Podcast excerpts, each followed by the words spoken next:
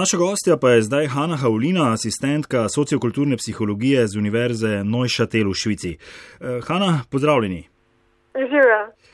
Povejte nam, kakšne so trenutno razmere okrog koronavirusa v Švici.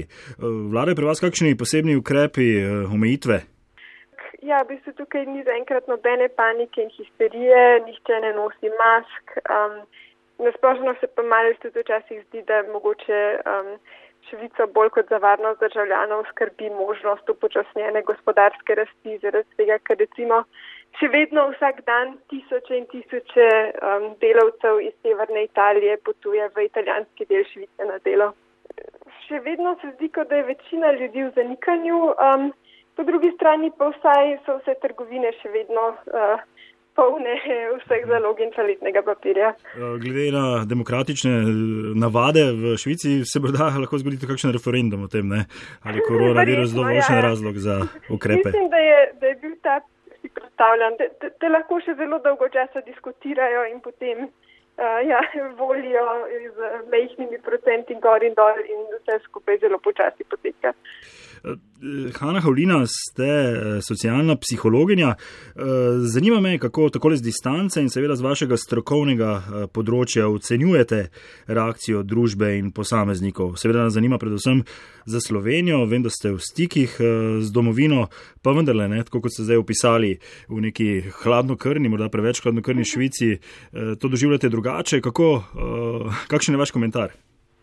Ja, v bistvu ravno zato gre, da so odzivi različnih družb in različnih posameznikov zelo, zelo drugačni. Um, Zaenkrat gleda, da se bolj kolektivistične družbe bolj spretno odzivajo, recimo Singapur ali pa Tajvan, družbe, kjer v bistvu tudi imajo visoko gostoto prebivalstva in so vajeni na odzivov na razno razne katastrofe od od preteklih izkušenj z virusom, recimo SARS, do, um, do potresov in podobno. Um, Medtem ko, ja, um, zelo dosti je v bistvu povezano s tem, na kakšen način se, se odziva država in mediji.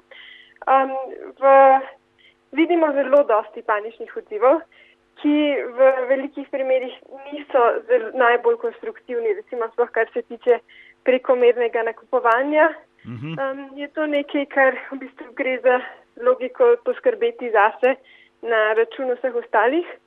Um, in tudi pri posameznikih vidimo zelo velike razlike, zaradi tega, ker nismo vsi enako ogroženi. Um, in potem imamo vse, vse od ljudi, ki so prepričani, da bo konec sveta, do recimo mladih, ki izkoriščajo to, da jim morda ni treba iti v šolo in da so zdaj zelo poceni karte letov in veselo potujejo po svetu. Um, tako da odzivi so zelo različni, hkrati pa vidimo, da v takih izrednih katastrofalnih razmerah se zelo hitro spremenijo družbene norme. Um, nekatere norme malo razpadajo, medtem ko se zelo hitro oblikujejo nove, recimo sploh kar se tiče higiene. Um, super je, da se končno vsi zavedamo pomena uh, osebne higiene in vednega umivanja rok.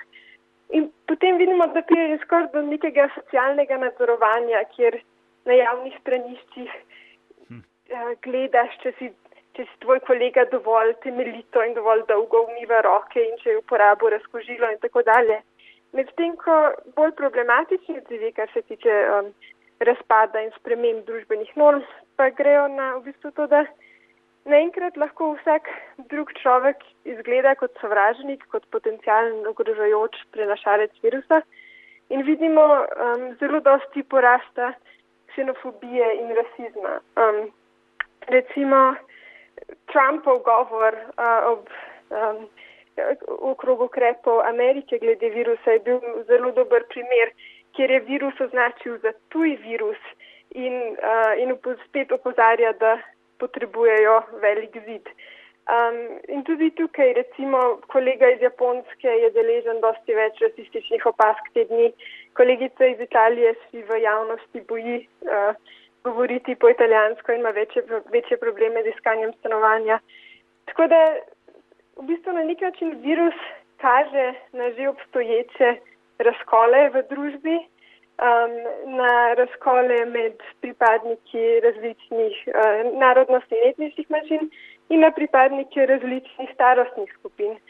um, kjer imamo potem tudi po eni strani večjo solidarnost do starejših, po drugi strani pa tudi zelo, zelo problematične ideje in diskurze o tem, da um, kdo, kdo v bistvu koga je vredno rešiti in če, če bo pač zdravstveni sistem res preobremenjen,